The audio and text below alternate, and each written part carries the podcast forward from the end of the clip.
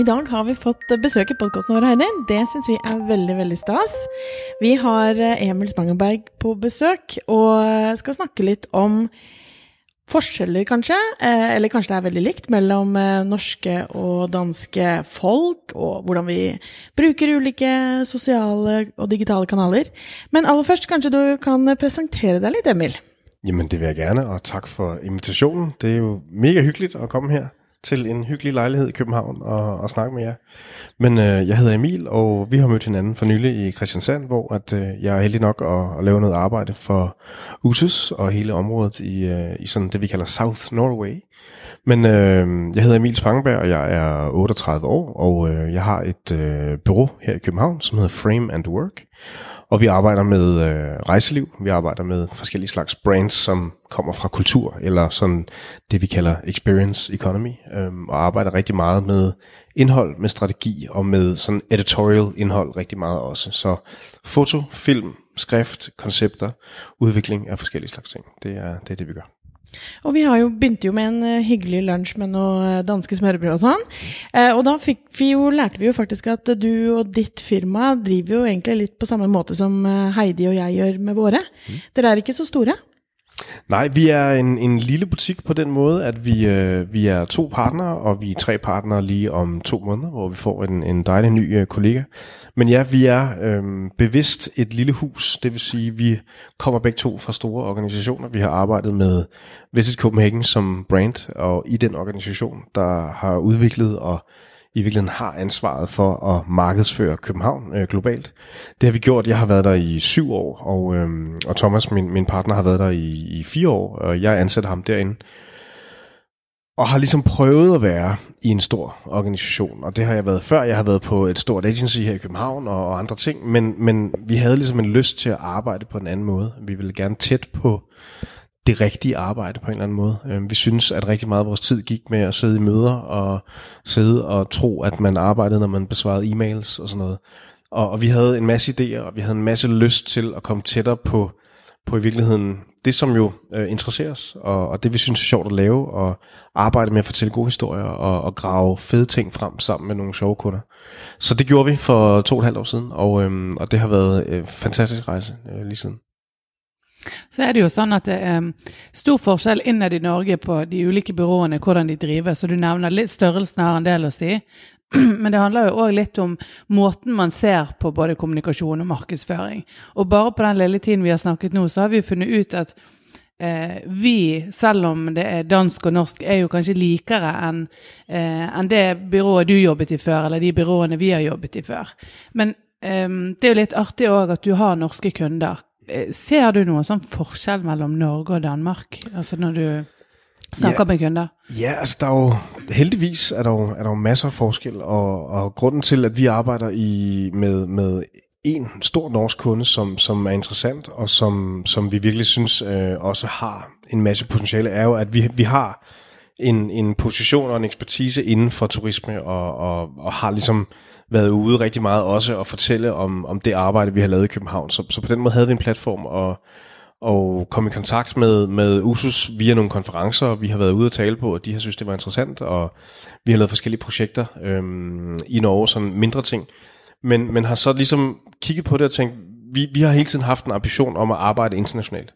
Øh, vi synes, det er rigtig, rigtig sjovt, også personligt at blive udfordret ved at skulle sætte sig ind i en ny kultur, og skulle forstå de små forskelle, som vi også kommer til at tale om, og i virkeligheden arbejde med alt det der in between, fordi når vi arbejder, som vi gør, øhm, så, så er der jo ikke sådan en, en færdig løsning på tingene. Vi bliver nødt til at forstå og, og, og have en samtale, og, og ikke bare tage ting ned fra hylderne øh, og give dem. Og derfor er det bevidst for os, vi har, vi har kunder i mange lande, vi arbejder i Færøerne og i Italien og i Riga og i, øh, i Norge og rigtig meget i Danmark også selvfølgelig. Men, men, men netop fordi vi, vi vil gerne udfordre os selv på det også, for ligesom at, at blive bedre og forstå og, og være nysgerrig på, hvordan resten af verden fungerer. Så, så det, øh, det har været bevidst fra vores side. Uh, men er ikke det litt sånn folk er folk? Altså, de menneskelige og sosiale mekanismene, mm. det er jo egentlig ganske likt, selv om det er kulturelle forskjeller, ikke det? Jo, det kan man sige, men, men vi lavede for eksempel et, et stort projekt her i, uh, i starten af året for en... Uh, en dansk startup, men, men som i virkeligheden handlede om, øhm, det var en startup, som, som hed Salam Planet, og som var en, øhm, i virkeligheden bygget på at lave en, en øh, livsstilsløsning for det, man kan kalde sådan modern urban muslims. Så, så pludselig, øh, jeg er total ateist. Altså, jeg, jeg, jeg tror kun på, at der findes mennesker. Ikke? Mm-hmm. Øhm, og derfor var det jo en kæmpe, fantastisk spændende udfordring at, at skulle vi ved selvfølgelig noget om islam, men, men, men og jeg har, jeg har kigget meget på det i forhold til sådan øh, øh, det man kalder sådan øh, the growing Muslim economy og sådan det man kalder halal travel. Der er en stor gruppe af, af, af meget øh, travel seeking muslims i Mellemøsten og i Tyrkiet og forskellige steder i verden, som rejser meget. De har mange penge, de vil gerne til lande, hvor at det ikke er som i Mellemøsten, eller som i Tyrkiet, eller som i Indien, eller som i øh, Indonesien. De vil gerne se Skandinavien, de vil gerne se Europa, men de har nogle behov, som er anderledes end, end vores. De skal spise halalmad, de skal kunne bede, de skal kunne ligesom også have nogle adgang til nogle steder, som, som er anderledes. Og det var en sindssygt fed opgave, fordi at det tvang også os til at kigge på København, og kigge på Danmark, og kigge på relationer, og kigge på sådan ungdomskultur på en anden måde, end vi måske plejer at gøre, når vi bare går ud af døren og går ned ad gaden. Ikke? Så, så på den måde synes jeg, at jo, øh, folk er folk, men, men, men der er masser af små forskelle, som også kreativt og strategisk giver os nogle muligheder for at lave nogle, nogle andre ting. Og det, og det synes jeg, det er sådan en evig inspiration. Ikke? Veldig spennende. Eh, men litt sånn, hvis vi skal se, løfte blikket litt, da, og litt, litt frem Det er ikke så lenge igjen av eh, 2018, men eh, hvis du skal se litt på, på 2019 eh, og tenke på digital kommunikasjon, sosiale medier, merkevarebygging, hva er det bedrifter må tenke på, eller hva er det de må fokusere på eh, framover, tror du? Jamen, jeg tror, og noget af det, som jeg også øh, har som, som budskab, når jeg, når jeg er ude og tale på nogle konferencer, jeg tror, at der er sådan det, jeg ser som en stor tendens, som, som kan være sådan en lille smule, øh, ikke bad news, men, men jeg tror meget på, at kontekst bliver vigtigere og vigtigere og vigtigere for alle brands at forstå og arbejde med. Fordi vi har jo vi har været i en tid, hvor at, jeg tror virkelig, vi er sådan peak content nu, ikke? Altså, nu er vi der, hvor selv de gamle hvide mænd på, øh, på direktionsgangen forstår, at, at, nu, at content er en virkelighed, og det skal vi have. Øh, og det forstod de ikke for 3-4-5 år siden, da vi andre begyndte at arbejde med det, og da vi ligesom begyndte at sige, der er noget der, og der er noget med at fortælle nogle historier visuelt. Der er vi nu, men vi er til gengæld også et sted, hvor der begynder at ske enormt mange åndssvage ting. Altså hvor vi ser et influencermarked, som, som efter min øh, mening er, er, er løbet totalt løbsk. Altså hvor vi ser influenter, der arbejder med, med indhold på, på de mærkeligste måder, hvor, hvor, det, hvor der er meget lidt kritisk sans i forhold til, hvordan det bliver brugt. øh, og, og tingene netop ikke bliver sat i kontekst. Man giver ligesom bare øh, ting og rejser og produkter til nogen, som har et stort follow-reach. Øh, men, men hvis det ikke bliver sat i en eller anden virkelighed, hvis det ikke bliver sat i en eller anden relation til nogle menneskelige relationer eller nogle følelser, jamen så, så ved vi jo alle sammen godt, at så virker det jo ikke. Og hvis man kigger på sådan top 10 største danske influencers på, på, på lad os bare sige Instagram i dag, dem med, med størst skare af followers, det er bikiniklædte piger. Mm. Altså, og, og, det, og det er et billede, vi ser mange steder, ikke? Hvor, hvor man kan sige, at det handler om flad mave og en juice og et træningsprogram og sådan noget, men, men, men det bliver nærmest ligegyldigt, fordi at, at det bliver ikke rigtig sat i nogen kontekst, og det kunne være hvad som helst. Ikke? Og, og, og jeg synes heller ikke, man kan sige, at influencer og de agencies, som arbejder professionelt og, og sådan meget øh, indgående med også at få influencers i gang, heller ikke er kritiske nok til i virkeligheden at klæde deres influencers på. Det går enormt stærkt, og det er et marked, der, der har rykket sig fra 0 til, til 100 på kort tid. Men det tror jeg er en af de store tendenser, det vil være i virkeligheden en, en søgen efter, man kan sige, mere mening og mere kontekst. Det tror jeg virkelig vil være noget, vi ser. Fordi vi jo også, jeg oplever i hvert fald øh, tydeligt i sådan forskellige demografigrupper, at, at der er ved at komme sådan en, en content øh, social media fatigue. Ikke? Altså vi ser de første tegn på, at måske, måske var det faktisk meget fedt at være sammen med nogle mennesker, uden at snakke sammen. Mm. Jeg hørte om, øhm, om et show i København her for nylig med to store amerikanske, hvad hedder det, øhm, comedy stars, som var i København. Og øh, der var 15.000 mennesker i salen, og alle fik sådan en æske, hvor de skulle putte deres telefoner ned. Jeg var der ikke selv, men fik det genfortalt af, af flere gode øh, venner. Så der var ingen, der kunne sidde øh, pre-show eller under showet, ligesom at, nå, at tabe ud og suse ned i sin video. Man skulle ligesom være til stede. Man, man blev tvunget til at lytte og se og tale med dem, man var sammen med. Og, og for rigtig mange af dem var det sådan en, wow, altså det var virkelig sådan en, gud ja, det gjorde vi jo engang. Ikke? Mm. Og, og det ser jeg nogle eksempler på, som, som, som jeg i hvert fald har noteret mig, at, at det er også noget, som brands begynder at, at, at, at bliver nødt til at forholde sig til, at nu begynder vi ligesom at, at gå den anden vej. Vi begynder også at se de kritiske eksempler på, hvad, hvad den der åbne verden har gjort, hvad den der social verden har gjort. Vi begynder at se nogle eksempler på folk, der har udnyttet det groft. Øh, virksomheder, organisationer, politisk, alt muligt andet, hvor vi pludselig ser sådan bagsiden af medaljen for den der super connected verden. Ikke? Og, og så meget som jeg elsker teknologi og elsker den mulighed, vi har for at være i kontakt med hinanden på tværs af, af, af grænser og, og overbevisninger, så skal det jo også håndteres på en måde, øh, hvor at vi stadigvæk er mennesker, og vi stadigvæk har en relation til hinanden, som bygger på mere end bare teknologi. Mm. Og, og det tror jeg, at, at det er for mig en af de vigtige ting, øh, som, som vi også kommer til at rådgive kunder omkring, men, men som vi også ser flere kunder begynder ligesom at kigge ind i, at sige, okay, måske skal vi også tænke i nogle andre kanaler end bare Facebook og Instagram, og, og, og prøve at få ting til at blive content, og prøve at fylde vores feed hele tiden, fordi den, den der attention span er så lille. Ikke? Det tror jeg i hvert fald er en af de store ting for mig.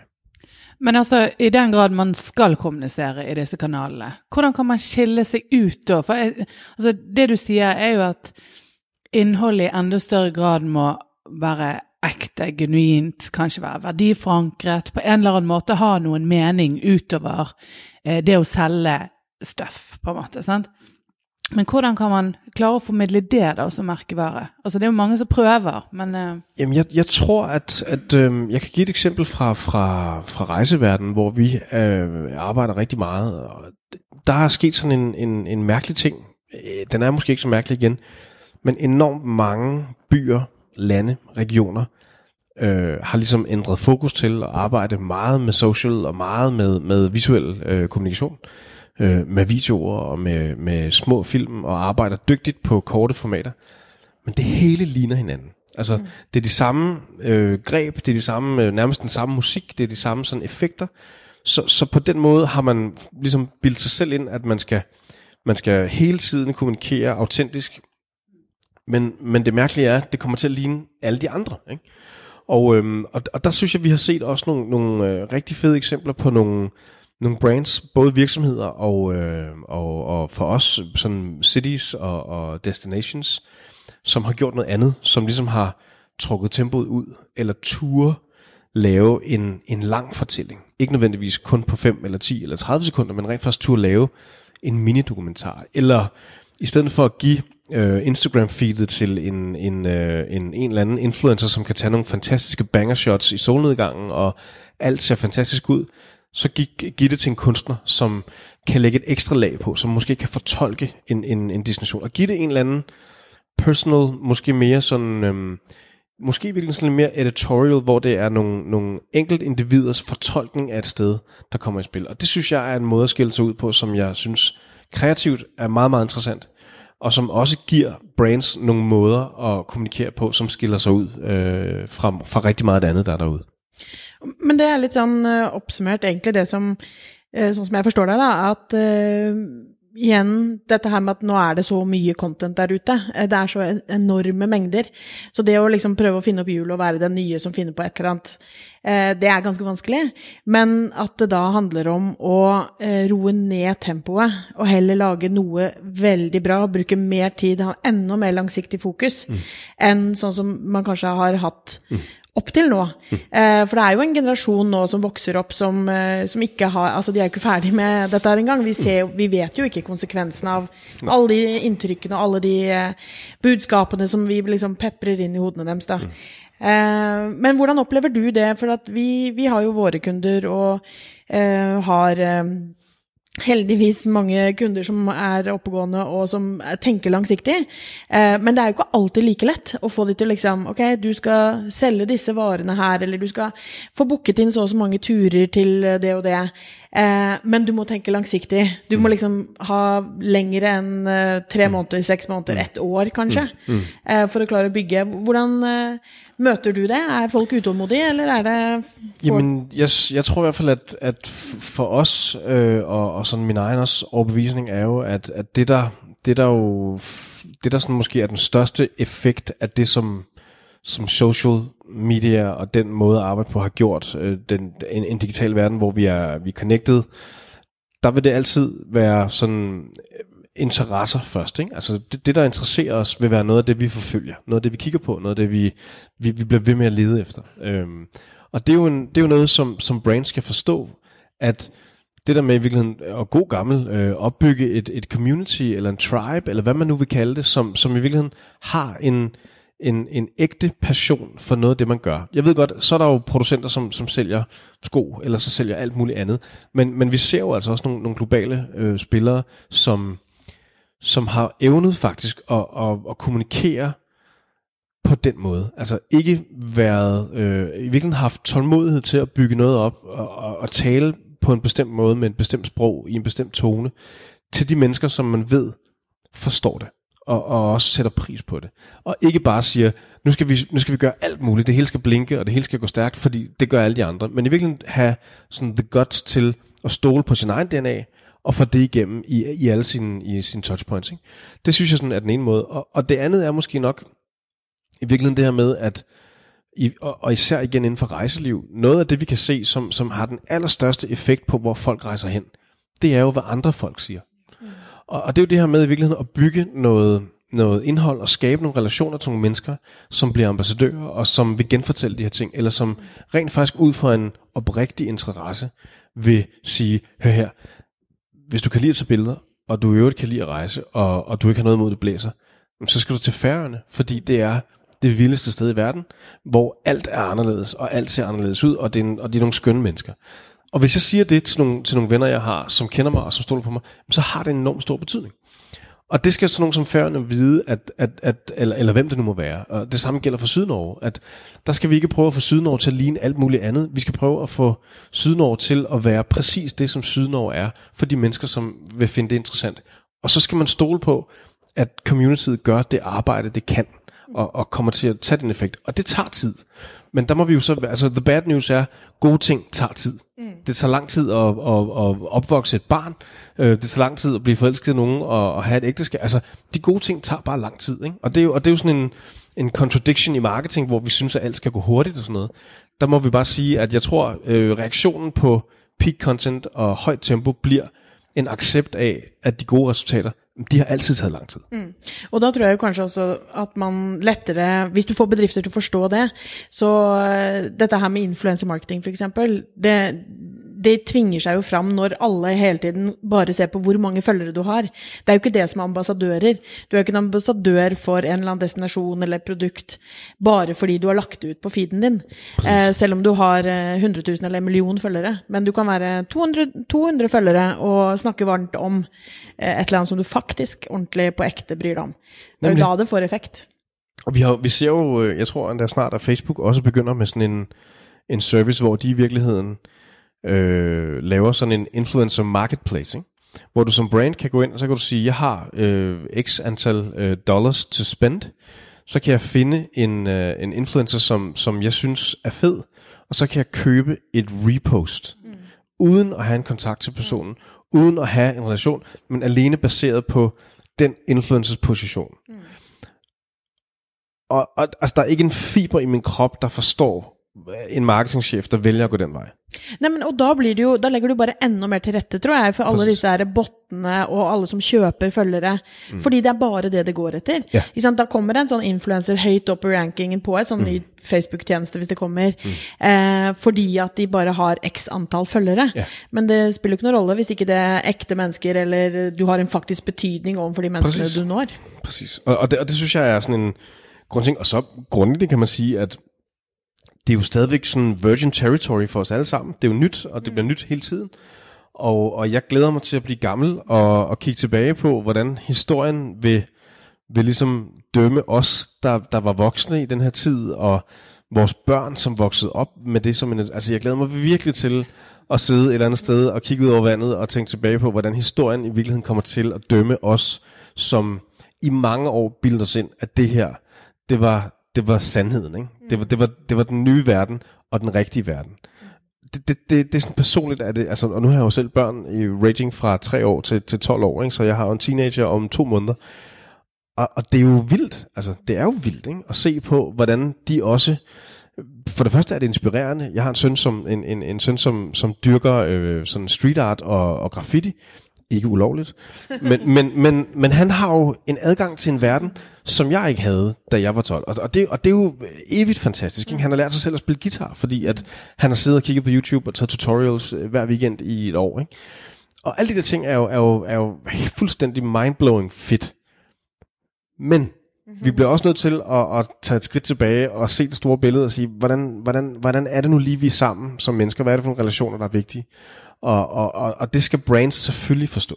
Altså, den, den samtale bliver de nødt til at være en del af, hvis, hvis de også skal have relevans. Og, og igen, hvis de skal formå at sætte deres produkter eller deres storytelling eller noget i en, i en kontekst til ægte mennesker, så, så bliver de jo også nødt til at lytte til, hvad det er, som, som, som virkeligheden siger mm. derude. Ikke? Men eh, du nevnte din sønn snart, eh, som snart er tenåring. Eh, dansk ungdom nå eh, for tiden, hva er, eh, hva er, det hotteste? Hva er det de holder på med utenom å se på, lære seg gitar på YouTube? Jamen, jeg tror, jeg har en søn, som på mange måder skiller sig lidt ud, men, men, men, og så alligevel er han jo helt normal. Men, men øh, der sker jo alt det samme, og, og øh, jeg ser i hvert fald... Øh, en af de store ting, jeg ser, det er, at, at man kan sige, øh, det bliver tidligere og tidligere, at de skal forstå og forholde sig til en global verden, øh, til, til Trump og til alt muligt andet, fordi det fylder så meget, og, og de har adgang til det. Så, så, så derfor synes jeg, at man kan sige, øh, udfordringen for os forældre, det er, at, at vi skal også være skarpe. Ikke? Vi skal virkelig også tidligt forstå, at en, en 10-årig eller en 9-årig, jamen de, de ved godt, at der er nogle store ting i verden, som, som rumsterer. Ikke? Og det synes jeg også godt, man kan mærke i den adfærd, der er. Men ellers kan man sige, unge mennesker i Danmark, altså, jamen, jeg tror ikke, du kan, du kan stoppe øh, 100 drenge nede på strøget her, og så vil de ikke kunne sige, at de spiller Fortnite og sådan noget. Altså, så der er alle de samme tendenser, som, som, som vi ser mange steder. Øhm, og så er Danmark jo et lille land på den måde, at, øh, at vi, øh, vi øh, meget er muligt, og, og vi lever jo i en del af verden, hvor at, øh, at velfærden er på plads, og, og, og uddannelse er, er en selvfølgelighed for alle. Så man kan sige, så, så vi er jo privilegeret på den måde. Øhm, og, og det er unge mennesker også. Og der er ingen tvivl om, at, at for ungdommen kom, er, er, der jo, er det jo, de globale bølger kommer jo hurtigere for dem i dag, end de måske gjorde for os. Vi fik dem jo sådan typisk et år eller to senere med tøj og mode og musik og alt muligt andet. Det er jo sådan en instant ting. Så derfor kan man sige, jeg tror på mange måder er ungdommen på sådan tendens- og trendniveau mere homogen, end den måske nogensinde har været, på tværs af alle mulige lande. Øh, og så er der de kulturelle forskelle, som, som, som er den store forskel. Ikke? Men du nevnte også relevans i sted, og det er jo derfor vi spør om dette med ungdommer. For det at, nu har vi jo snakket lidt om, eller en god del om innhold generelt, både hva som er godt innhold, hvordan formidle det på best mulig måte. Og så er det jo dette med målgruppe og innsikt. Og det er jo vi alltid opptatt av. Altså hvordan når vi de rette? Hvordan når vi de som eh, både kan være gode ambassadører for merkevaren, men også de som vil benytte seg av de tjenestene vi prøver å, å eh, formidle eh, gjennom vårt arbeid, både, både du og oss. Um, hvordan jobber dere for å finne ut både hvem som er målgruppen, um, hvordan når det, hvor det er, osv.? Vi, vi arbejder meget med et princip omkring at arbejde ned i nogle interessegrupper. Altså det, det, det er sådan vores tilgang til markedet altid, det er at sige, nu, nu, nu kigger vi ikke mere på alder, og på, øh, på og selvfølgelig kigger vi på alder i forhold til platform, og, og sådan, hvad, hvad er det for nogle grupper, der er de forskellige steder, der fylder mest. Det er klart, det er jo sådan en baseline. Men, men for os, og med de brands, vi arbejder med, der er, det, der er den største værdi, det er at forstå, hvad det er for nogle interessepunkter, folk har, og, og hvad det er, folk øh, interesserer sig for. Og i rejselivet har man jo i mange år øh, arbejdet ud fra sådan nogle meget faste segmenter. Alle børnefamilier gør det samme. Mm. Det passer jo ikke. Altså, ja, vi gør noget meget anderledes end mange af vores venner med børn, og de gør noget meget anderledes end os, og, og, og fordi mine interesser påvirker, hvordan jeg rejser med mine børn. Og, og det er jo igen det der med at forstå, at, at, at, øh, at der er altså store forskelligheder inden for nogle grupper, som man, man traditionelt set har, har håndteret som, som en størrelse. Ikke?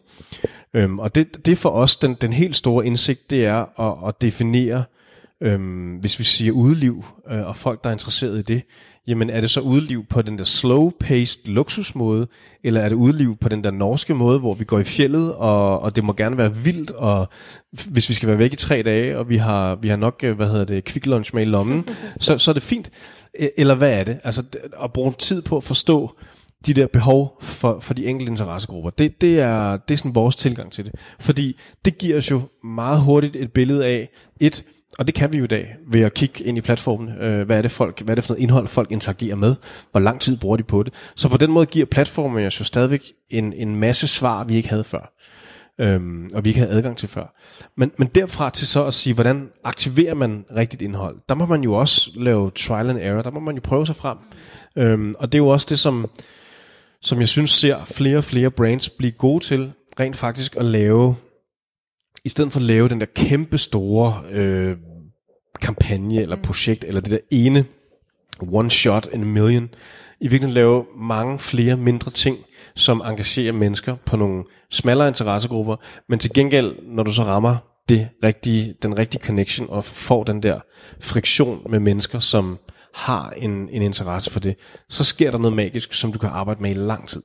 Og, og det giver jo nogle svar til, hvor man kan sige, måske skal man ikke planlægge et helt år gang, måske skal man planlægge tre måneder gang og sige, det her er faktisk en testperiode, og det er jo også det, der er blevet muligt på platformen. Vi prøver fem forskellige ting af for den samme målgruppe.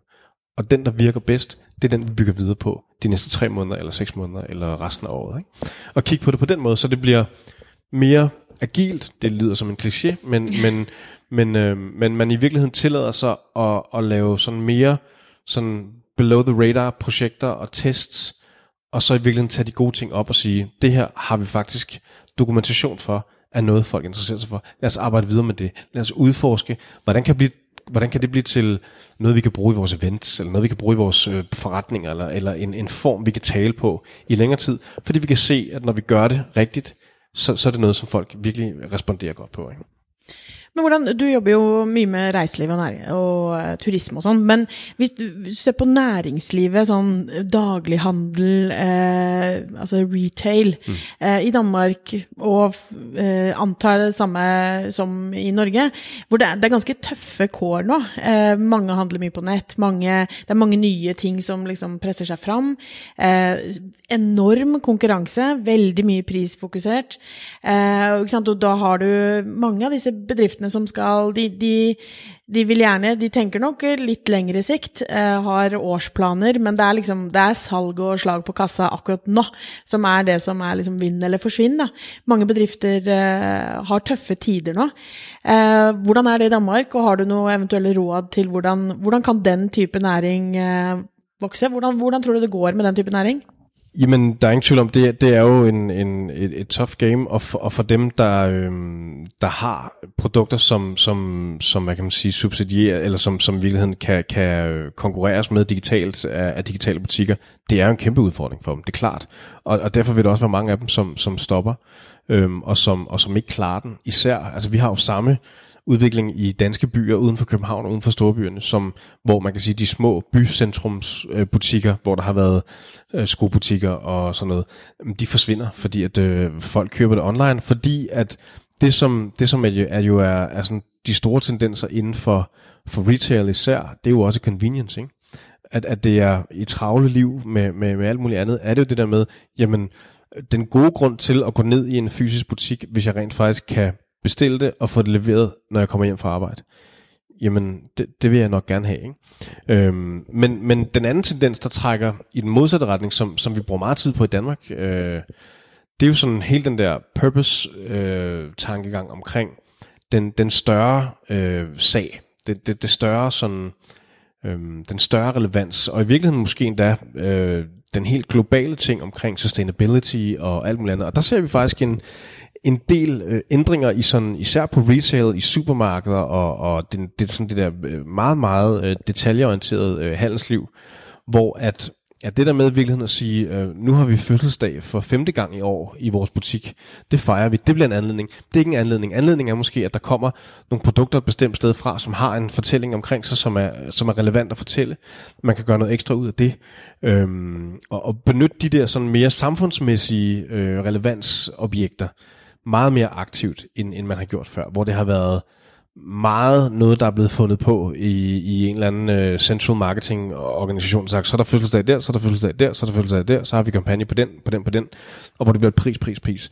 Vi lever jo i en del af verden, hvor pris, jo, pris vil altid være nødvendigt og, og, og vigtigt, men, men, men purpose bliver vigtigere og vigtigere og vigtigere, også på dagligvarer, for eksempel.